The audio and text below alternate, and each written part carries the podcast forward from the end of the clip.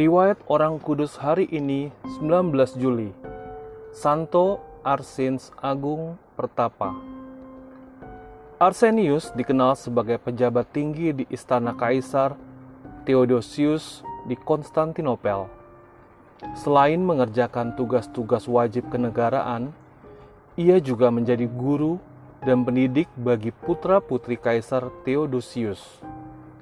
Dalam kedudukannya ini, Arsenius terkenal kaya raya.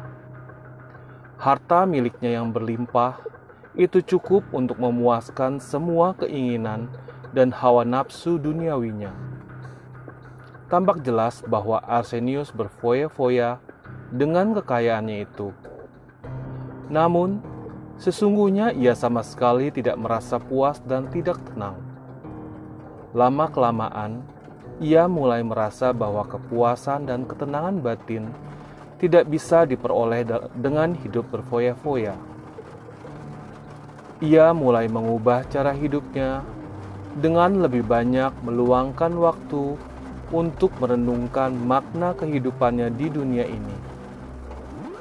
Lambat laun, berkat rahmat Allah yang dicurahkan kepadanya, ia mulai mengerti dan menyadari kehampaan dan kesia-siaan kekayaan dan hormat duniawi. Dalam renungan-renungannya untuk lebih memahami makna hidupnya, ia terus memohon terang Roh Kudus agar dapat mengerti kehendak dan rencana Tuhan atas dirinya. Dengan cara inilah ia mulai memperoleh ketenangan batin yang didambakannya.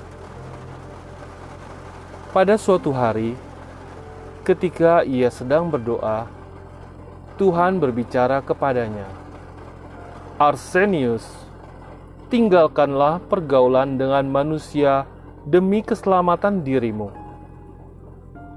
Suara Tuhan ini ditaatinya. Dengan segera ia meninggalkan semua sahabat kenalannya dan berlayar ke Alexandria. Di Alexandria, ia menjadi seorang pertapa di sebuah pertapaan di padang gurun Mesir. Dalam waktu singkat, Arsenius telah mencapai suatu kemajuan besar dalam hidup rohani. Ia menjadi seorang manusia baru yang saleh, rendah hati, dan sabar. Di pertapaan itu, ia sekali lagi mendengar panggilan Tuhan Arsenius, carilah sebuah tempat yang lebih sunyi, karena keheninganlah dasar keselamatan. Arsenius menaati suara Tuhan itu. Ia pergi dari pertapaannya yang pertama dan mendirikan sebuah gubuk pertapaan yang jauh dari sahabat-sahabatnya. Pada waktu mau meninggalkan rekan-rekannya ia berkata, "Tuhan, Tuhan tahu betapa besar cinta kasihku kepada kamu sekalian. Akan tetapi, tidak mungkinlah bagi aku untuk serentak bergaul dengan Tuhan dan manusia." Di pertapaannya yang baru, Arsenius makin bertambah maju dalam cara hidup rohani banyak orang datang kepadanya meminta bimbingan rohani. Biasanya ia tidak banyak bicara. Jawaban dan petunjuk-petunjuknya serba singkat, namun jitu dan bijaksana. Beberapa kali ia pindah ke tempat yang jauh lebih sub. Beberapa kali ia pindah ke tempat yang jauh lebih sepi dan sunyi agar lebih bersatu dengan Tuhan secara pribadi. Arsenius meninggal dunia pada tahun 450. Demikian kali ini riwayat orang kudus Santo Arsinus Agung, seorang pertapa. Terima kasih.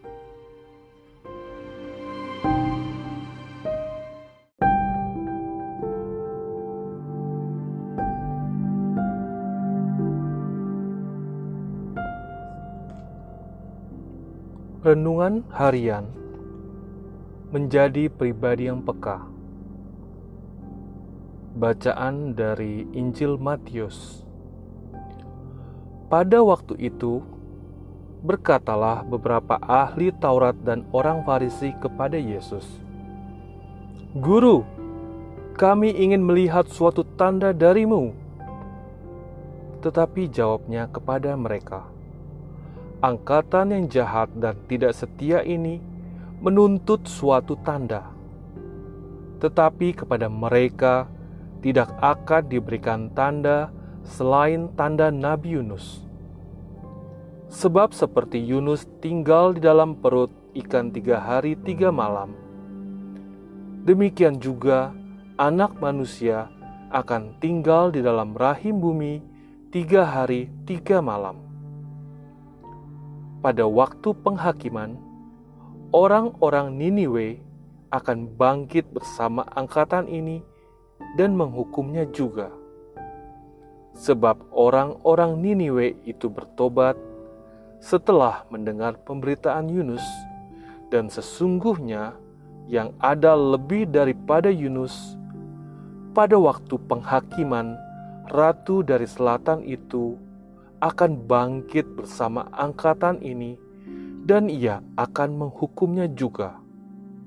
Sebab ratu ini datang dari ujung bumi untuk mendengar hikmat Salomo, dan sesungguhnya yang ada di sini lebih daripada Salomo.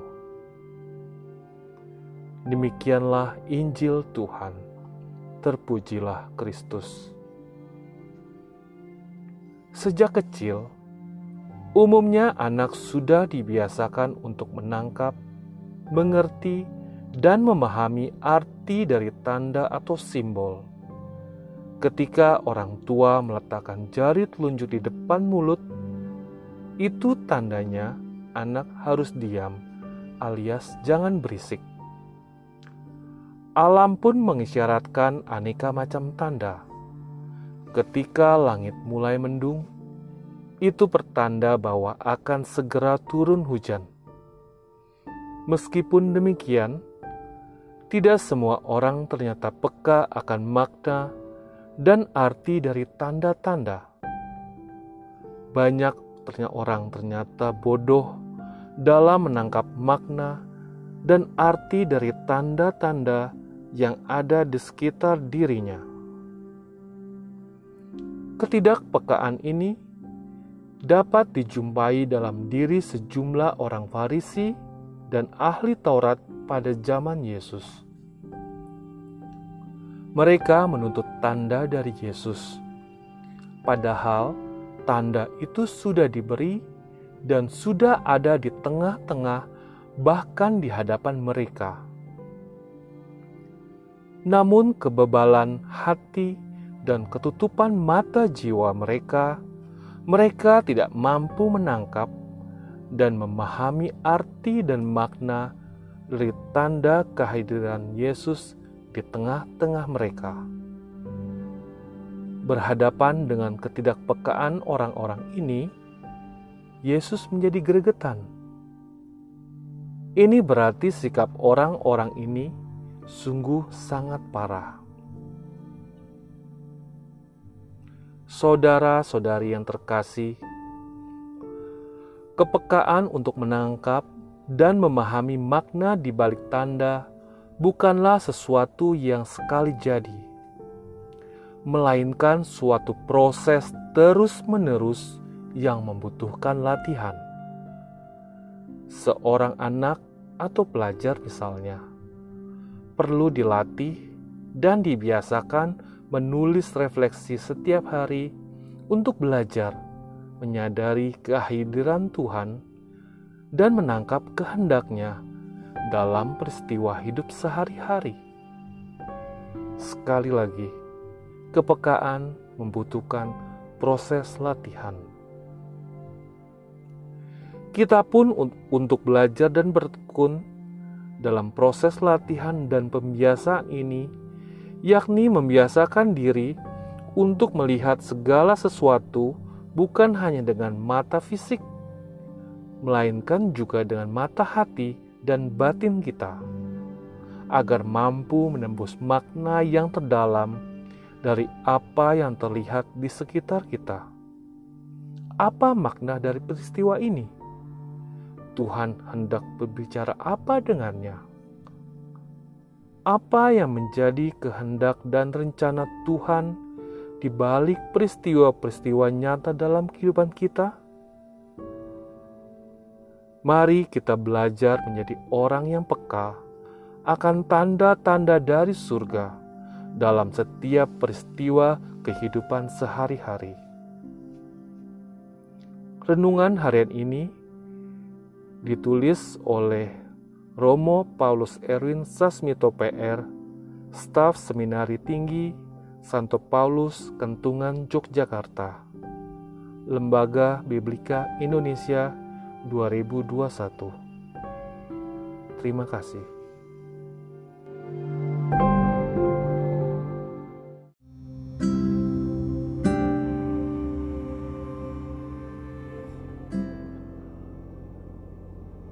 Judul hari ini kita ingin mengetahui doa Rosario merupakan yang merupakan salah satu doa dalam tradisi Katolik. Asal-usul doa rosario tidak dapat ditentukan secara jelas secara historis karena terbentuknya setahap demi setahap. Digunakannya butir-butir sebagai alat bantu doa juga merupakan tradisi sejak zaman gereja awal atau bahkan sebelumnya. Pada abad pertengahan, Butir-butir ini dipakai untuk menghitung doa Bapa kami dan salam Maria di biara-biara. Tradisi mengatakan bahwa Santo Dominik tahun 1221 adalah santo yang menyebarkan doa rosario seperti yang kita kenal sekarang. Ia berkhotbah dengan rosario ini pada pelayanannya di antara para albigensian yang tidak mempercayai misteri kehidupan Kristus sebagai Allah yang menjelma menjadi manusia.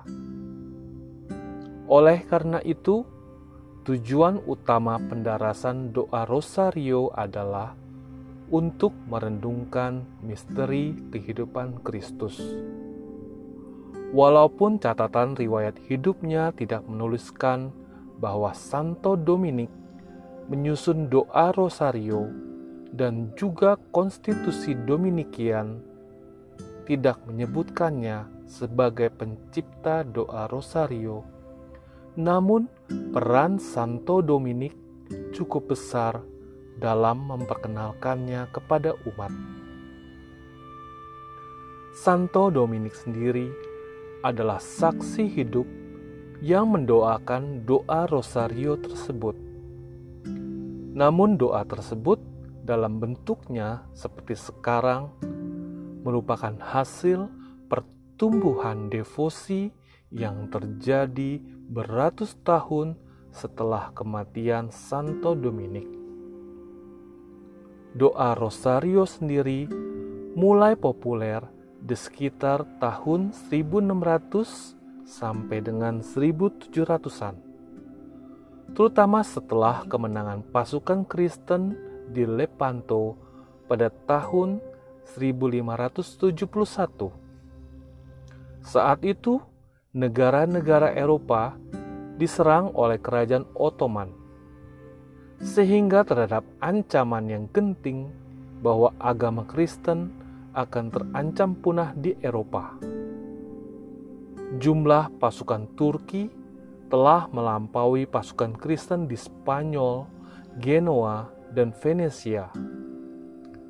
Menghadapi ancaman ini, Paus Pius kelima memerintahkan umat Katolik untuk berdoa rosario untuk memohon dukungan doa Bunda Maria agar pasukan Kristen memperoleh kemenangan.